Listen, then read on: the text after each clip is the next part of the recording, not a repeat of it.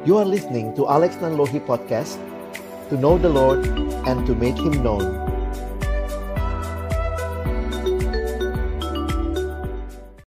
Kami datang dalam ucapan syukur pagi hari ini di hari perhentian yang Tuhan berikan kepada kami. Kami mau bersama-sama membuka firman-Mu ya Tuhan. Kami mohon biarlah waktu kami membuka firman-Mu Bukalah juga hati kami Jadikanlah hati kami seperti tanah yang baik, supaya ketika benih firman Tuhan ditaburkan, itu boleh sungguh-sungguh berakar, bertumbuh, dan juga berbuah nyata di dalam hidup kami. Berkati baik hambamu yang menyampaikan dan juga setiap kami yang mendengarkan. Tuhan tolonglah kami semua, agar kami bukan hanya menjadi pendengar-pendengar firman yang setia, tapi mampukan kami dengan kuasa dari rohmu yang kudus, kami dimampukan menjadi pelaku-pelaku firman-Mu di dalam hidup kami, di dalam masa muda kami. Bersabdalah ya Tuhan kami umatmu sedia mendengarnya dalam satu nama yang kudus, nama yang berkuasa. Nama Tuhan kami Yesus Kristus. Kami menyerahkan pemberitaan firman. Amin. Shalom. Selamat pagi. Kita bersyukur kepada Tuhan buat kesempatan ibadah hari ini dan sama-sama kita akan merenungkan satu tema yang diberikan kepada kita pada pagi hari ini adalah encountering God in distracting world. Kita hidup dalam dunia yang sedang mengalami banyak perubahan. Dunia di mana kita hidup ini adalah dunia yang juga punya banyak pergumulan. Karena itu, pagi ini koleksi ingin kita belajar sama-sama dari bagian firman Tuhan Bagaimana kita bisa bertahan di tengah-tengah dunia yang mengalami berbagai perubahan ini? Ya. Kita akan baca sama-sama kalau kalian bawa kitab suci atau di HP bisa buka sama-sama 1 Yohanes pasal 2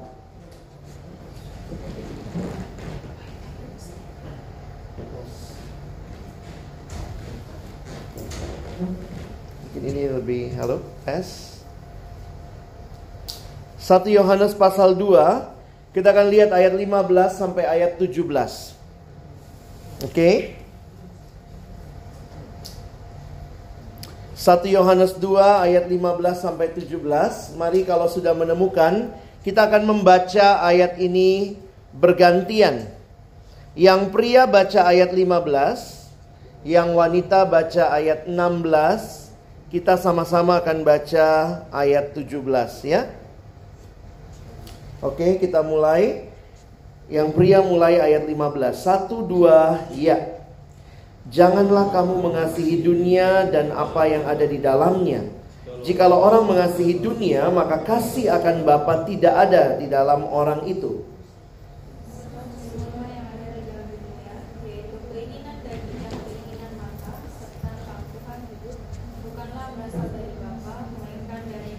Sama-sama dan dunia ini sedang lenyap dengan keinginannya.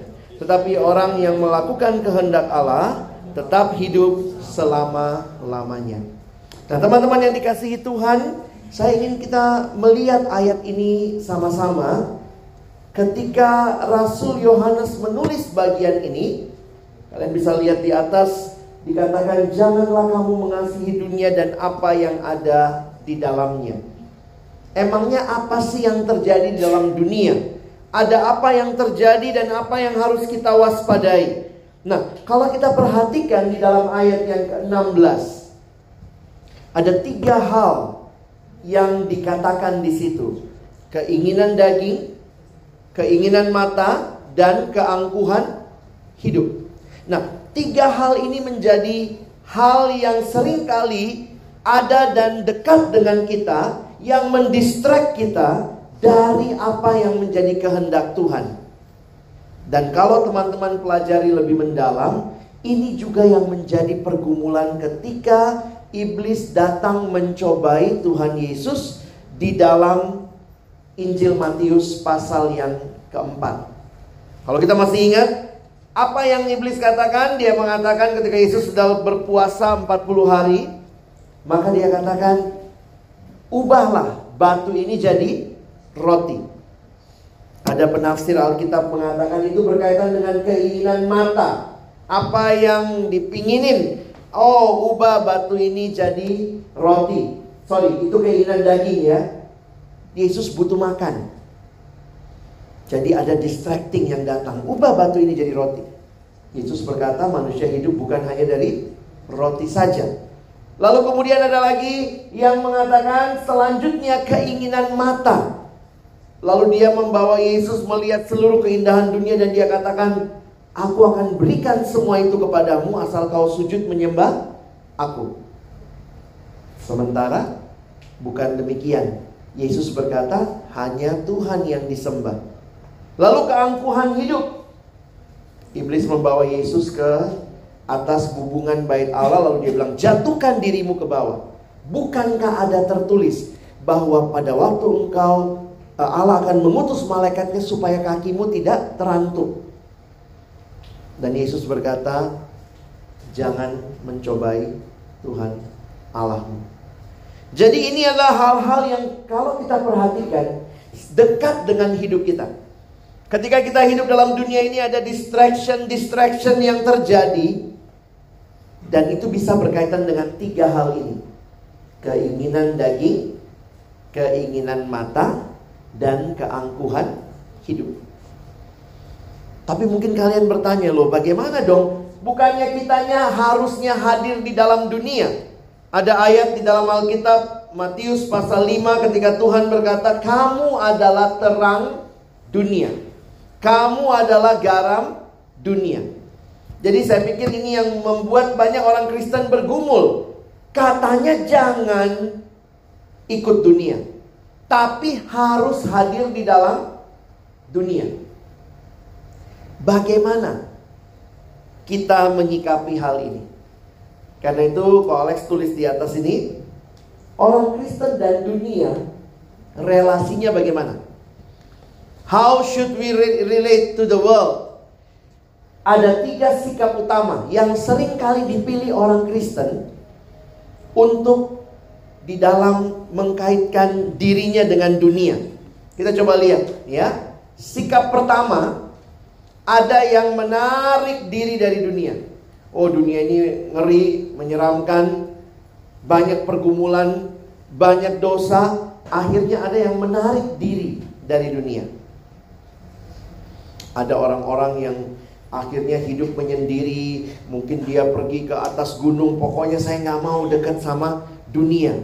Tapi itu tentunya bukan sikap yang tepat juga. Sikap kedua, kalau yang satu menarik diri, yang satu benar-benar dekat dengan dunia malah menjadi serupa dengan dunia. Bukan itu juga yang Tuhan mau. Atau ada yang main aman, oke okay lah. Kalau lagi menguntungkan ikut dunia, ya udah ikut dunia. Kalau lagi menguntungkan ikut Tuhan, ya udah ikut Tuhan. Jadi dia cuman bermain aman, katanya mengambil jalan tengah. Kolex pikir bukan begitu yang Tuhan mau. Pergumulan teman-teman dan saya ada di dalam dunia. Tapi juga pada saat yang sama Tuhan mau kita jangan jadi sama dengan dunia. Maka sikap yang seharusnya bagaimana? Kita baca satu bagian dari Injil Yohanes.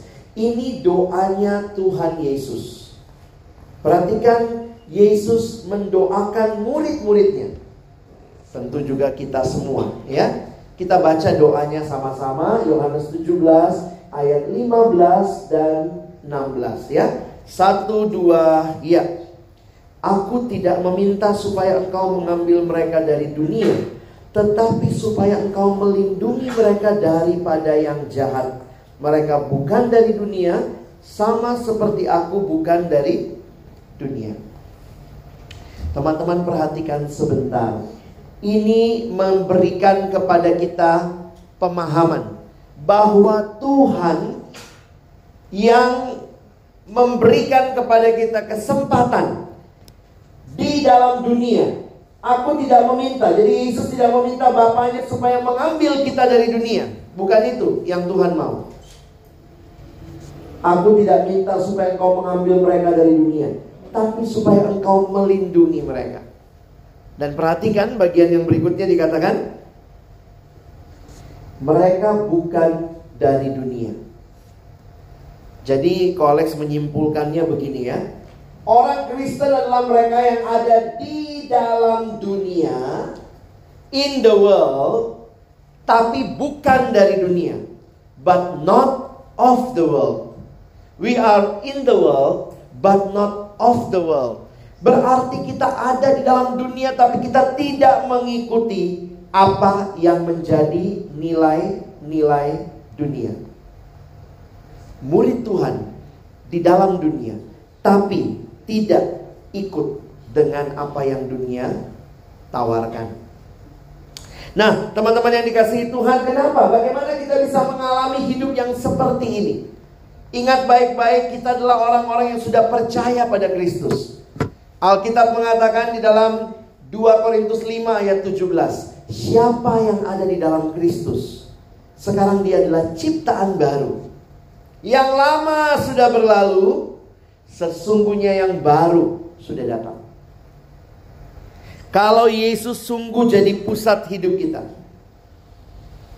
Kalau Yesus ada di dalam hati kita. Maka teman-teman ingat baik-baik. Engkau dan saya tidak hidup seperti dunia. Yang lama dikatakan sudah berlalu. Yang baru sudah datang. Kalian suka mikir gini, apa sih hebatnya Yesus ini? Kalau kalian lihat sejarah, kelahiran Yesus bahkan membelah dunia menjadi dua bagian. Sebelum Masehi, sesudah Masehi. BC, before Christ. Dan AD, Anno Domini. Anno artinya tahun, dari kata anola kita dapat kata annual. Domini, Tuhan. Tuhan. Jadi anno domini tahun Tuhan kita. Betapa hebatnya Yesus yang datang ke dalam dunia Yang kehadirannya membelah sejarah dunia Menjadi dua bagian besar Tapi bagi saya yang jauh lebih menakjubkan Adalah kehadiran Yesus Dalam hidup kita yang ketika dia hadir, maka yang lama dalam hidup kita sudah berlalu, yang baru sudah datang. Jadi betul-betul ini menjadi panggilan kita. Kalau teman-teman sudah ada di dalam Yesus, sekarang kamu harusnya bukan ikut dunia. Tidak terdistraksi dengan gangguan-gangguan dunia. Lalu kalau begitu bagaimana? Nah, Kolex ingin memberikan kepada kita beberapa hal untuk kita ingat. Karena Tuhan memberikan nasihat di dalam firman-Nya. Coba lihat ayat ini. Roma 12 ayat 2. Saya bacakan bagi kita. Janganlah kamu menjadi serupa dengan dunia ini. Ini seruan firman Tuhan. Jangan kamu menjadi serupa dengan dunia ini. Istilah yang digunakan dalam bahasa aslinya do not conform. Janganlah bentukmu dibentuk seperti dunia ini. Do not conform to the world.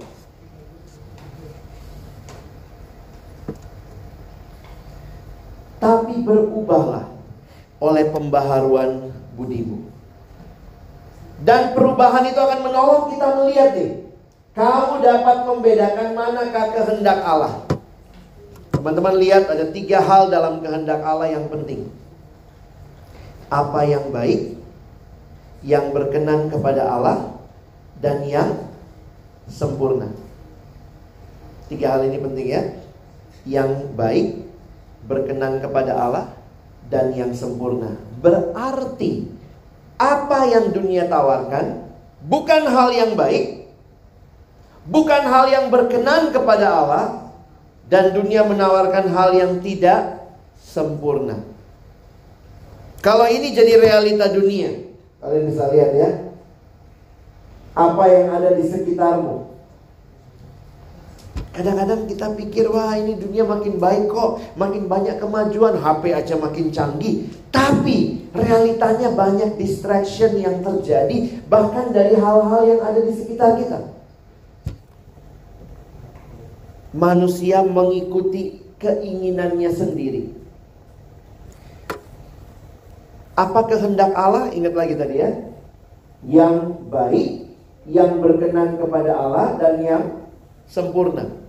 Dunia tidak menawarkan itu. Dunia menawarkan hal-hal yang tidak berkenan kepada Allah. Sehingga kalau kalian perhatikan ini baru dalam kelakuannya. Belum lagi banyak filosofi dunia. Kolex coba ambil gambar ini ini adalah diagram dari world view. Dunia punya banyak cara pikir, cara pandang. Dan harusnya kita mengambil cara pandang yang bagaimana? Yang sesuai dengan firman Tuhan. Tapi ini yang terjadi ya.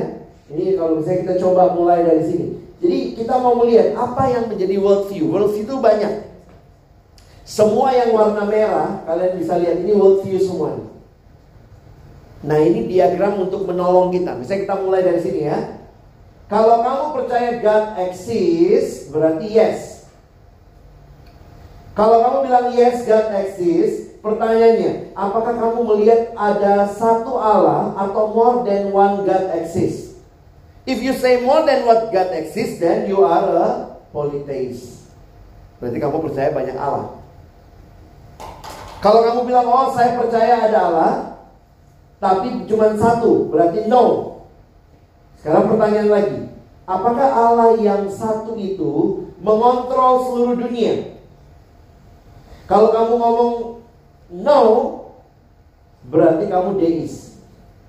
Karena ada pandangan Allah itu satu tapi dia tidak mengontrol dunia ini. Jadi teman-teman saya ingin katakan dunia sedang berusaha mendistraksi kita, menarik perhatian kita, baik dengan perilaku-perilaku yang tidak benar tapi mungkin menyenangkan. Asik, gak usah belajar nyontek aja. Dunia menarik kita. Atau mungkin dunia menarik kita dengan berbagai paham, cara pandang, world view. Pertanyaannya bagaimana kita bertahan dalam dunia ini? Ingat kalimat Alkitab apa? Jangan menjadi serupa dengan dunia ini tetapi berubahlah. Sekarang lihat yang ko Alex buat dalam bowl. Jangan menjadi serupa dengan dunia ini, tetapi berubahlah. Perubahannya seperti apa? Perubahan seperti apa yang Tuhan mau teman-teman dan saya alami. Teman-teman ada dua macam perubahan dalam dunia. Coba lihat ke depan sebentar. Ada yang bilang ini berubah. Betul ini berubah?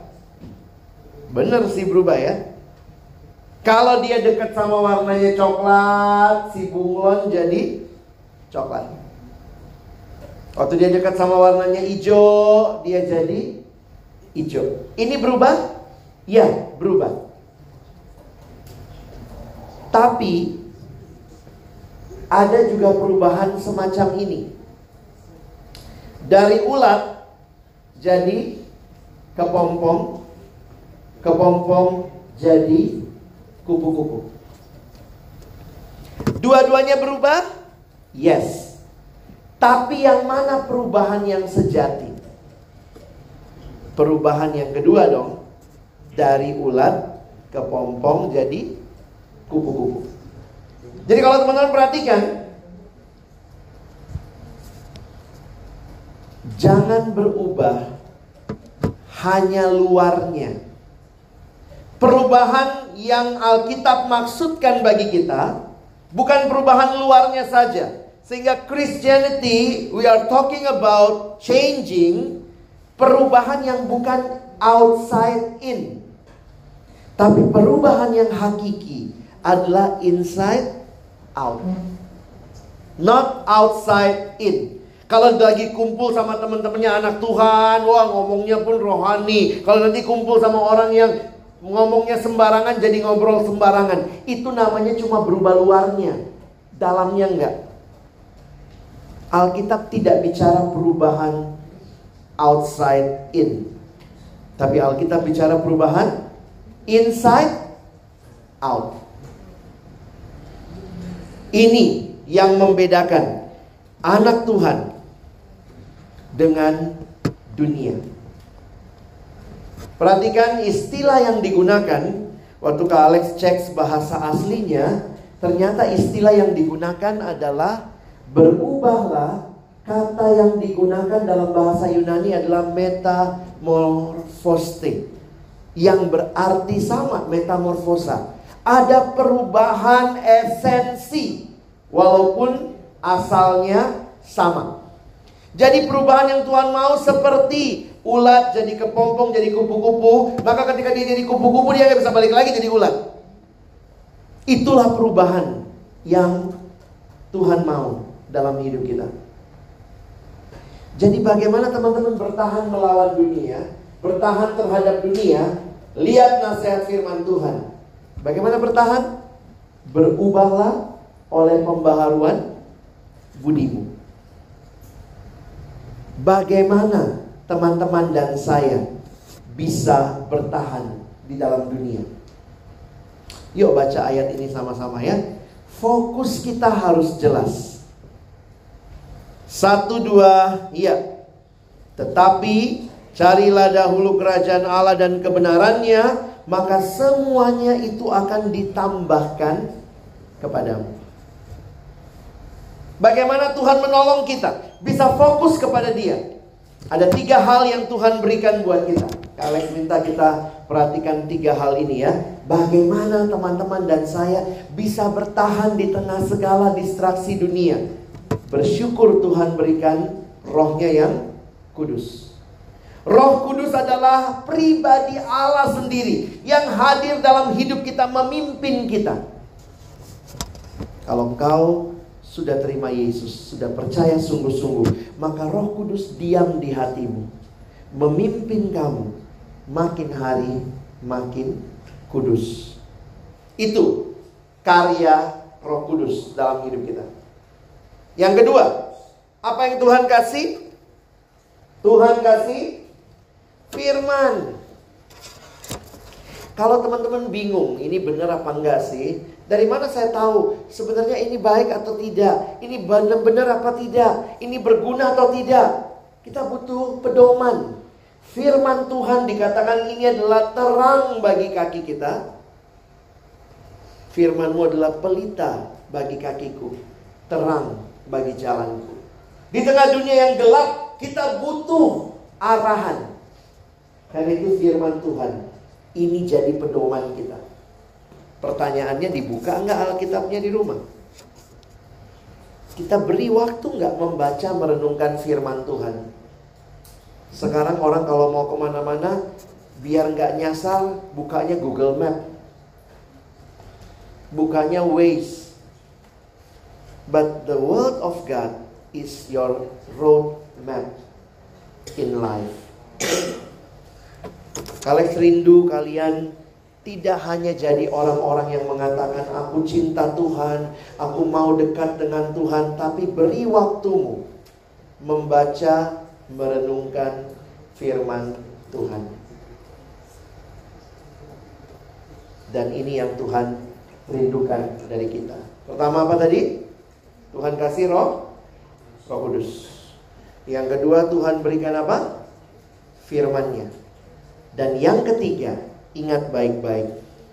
Syukuri Tuhan berikan komunitas. Tuhan berikan teman-teman seiman. Tuhan berikan orang-orang yang akan menolong kamu juga untuk hidup di dalam Tuhan. Alex pernah dideketin ada satu anak dia cerita gitu ya. Kok saya mulai ngerokok. Kenapa? Habis semua teman saya ngerokok. Gimana ya kok? Saya bilang masalahmu bukan di rokoknya saja. Ganti teman. Karena semua ngerokok, kamu jadi ikut ngerokok. Berarti komunitasmu salah. Cari komunitas yang semua nggak ngerokok, lalu kau ngerokok sendiri, kamu jadi aneh. Seringkali dalam hidup kita sedihnya orang Kristen bukannya jadi trendsetter, jadi trend follower. Semua ngerokok, gue ikutan ngerokok. Kenapa? Takut dianggap aneh. Harusnya kamu yang tarik temanmu. Yuk, nggak ngerokok. Follow me. Semua porno, ikutan porno. Semua nggak benar jadi nggak benar, nggak bisa. Teman-teman perlu komunitas. Makanya bersyukur di gereja kita punya teman-teman yang sama-sama mau berjuang hidup benar, mau berjuang cinta Tuhan. Syukuri itu. We need a community to survive in this world. Ingat ya, Tuhan kasih sama kita Roh Kudus, Tuhan kasih kita firman, dan Tuhan berikan kita juga komunitas. Supaya apa? Perhatikan ayat ini.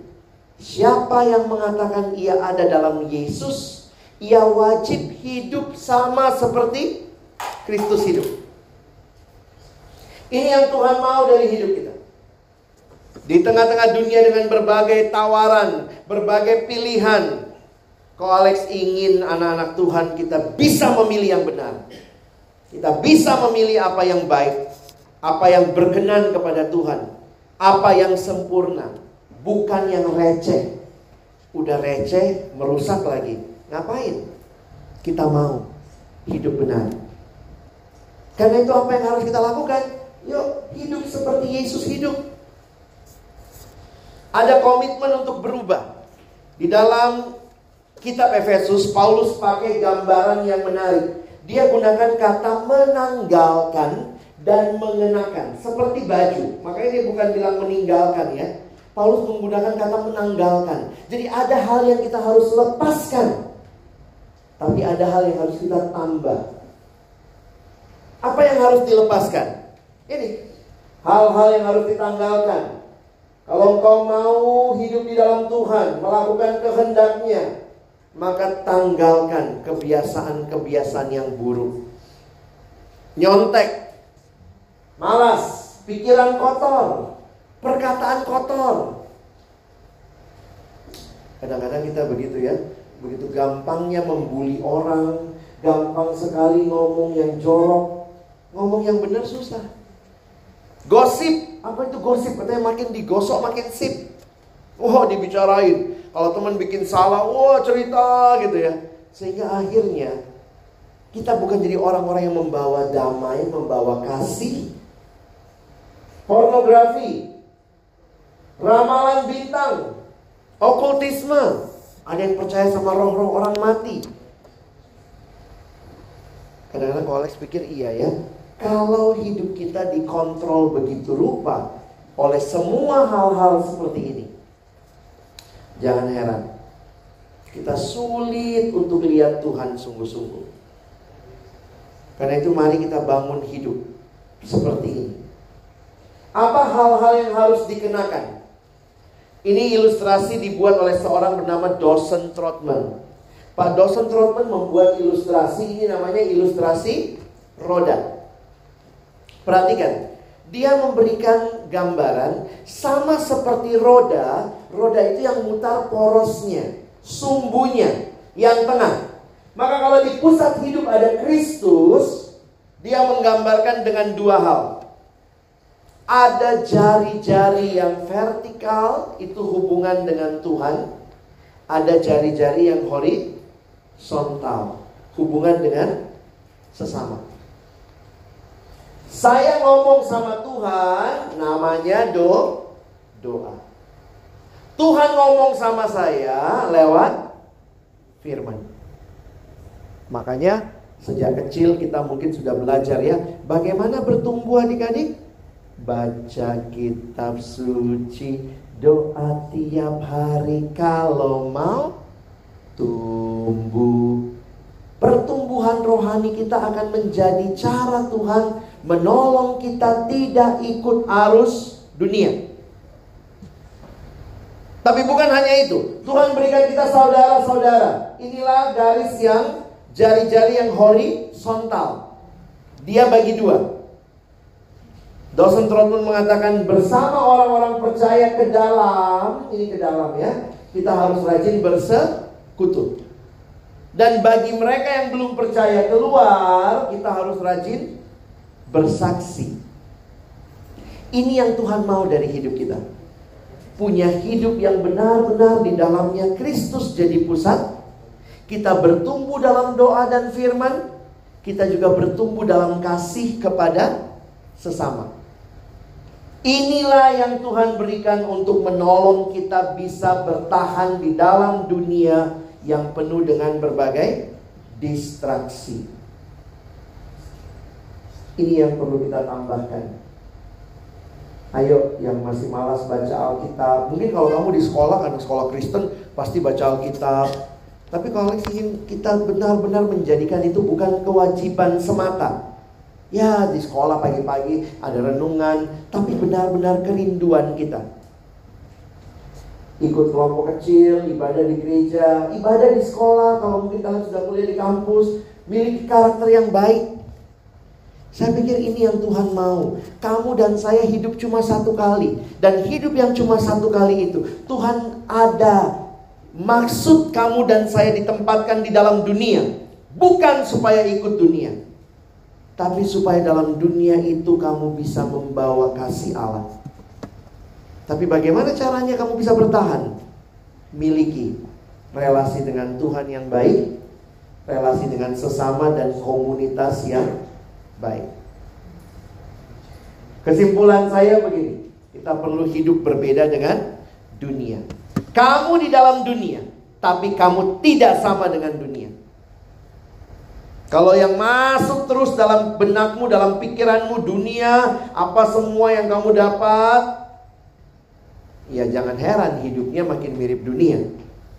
Tapi kalau yang masuk adalah kebenaran firman Tuhan, satu hidup yang baik, hidup yang kudus, hidup yang berkenan, maka kiranya keluar juga ada kehidupan yang taat kepada Tuhan.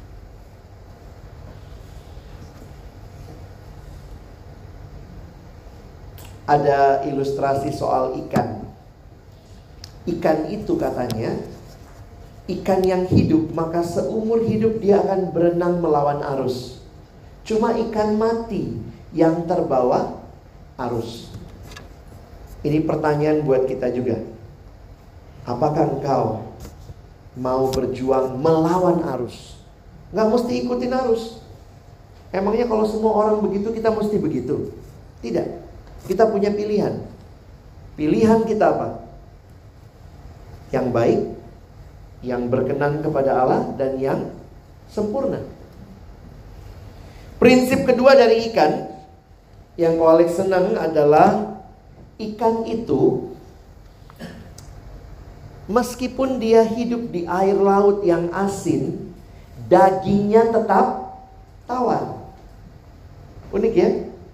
Nggak ada orang mancing di laut dapat apa? Dapat ikan asin. Nggak ada. Ikan walaupun dia hidup di air asin, dagingnya tetap tawar. Itu mengingatkan kita, engkau dan saya punya pilihan dalam dunia. Jangan bilang habis semuanya begitu, saya jadi ikutan begitu. No. Kamu punya pilihan.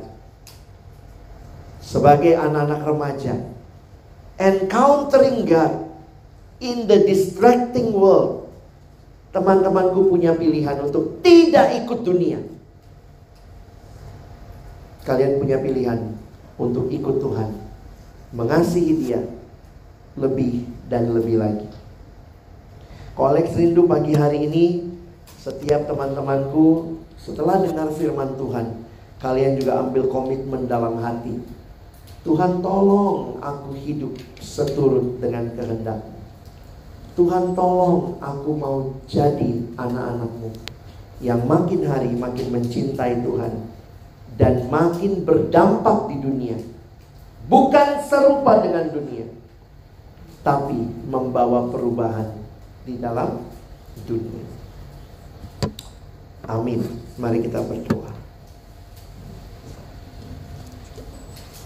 Tuhan terima kasih banyak buat kebenaran firman-Mu. Ada begitu banyak hal yang menarik hati kami dari apa yang dunia tawarkan. Tapi hari ini kami ditolong melihat kembali ke firman-Mu. Biarlah kami benar-benar merindukan masa muda kami yang cuma satu kali ini. Menjadi masa muda yang kami persembahkan kepada Tuhan bagi kemuliaan Tuhan. Tolong kami sejak awal belajar memilih apa yang baik, yang berkenan kepada Allah dan yang sempurna. Kami tidak memilih apa yang dunia tawarkan, hal-hal yang buruk, hal-hal yang tidak berkenan kepada Tuhan, dan hal-hal yang tidak sempurna. Kami sungguh mau hidup di dalam kehendakmu. Tolong kami, bukan cuma jadi pendengar-pendengar firman yang setia. Jadikan kami pelaku-pelaku firman-Mu. Dalam nama Yesus kami berdoa, kami bersyukur. Amin.